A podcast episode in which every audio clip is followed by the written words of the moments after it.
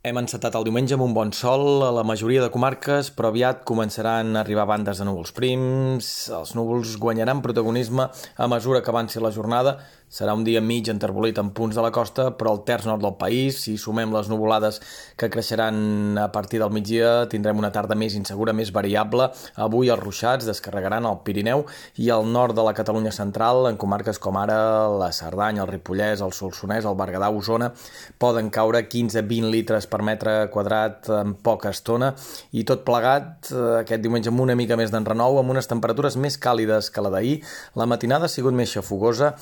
mínimes ja de 25 graus en punts de la costa central, ni tan sols alta muntanya s'ha baixat dels 10 graus i, al migdia també notarem una miqueta més de calor que ahir cap a Ponent, Vall de l'Ebre, Catalunya central, però en canvi en conjunt, prop de mar, a les comarques gironines, al Pirineu, les temperatures seran semblants a les d'ahir. Aquest vespre girarà tramuntant i mestral als dos extrems del país i això farà que el dilluns eh, puguem respirar una mica més bé. Aquest descens tèrmic, però, serà transitori. A partir de dimarts es tornen a enfilar les temperatures i tot apunta que entre dimecres i divendres tindrem el pic de calor d'aquest tram final del mes d'agost amb màximes no excepcionals, però sí amb valors que tornaran a superar amb facilitat els 35 graus al migdia als sectors més càlids de Catalunya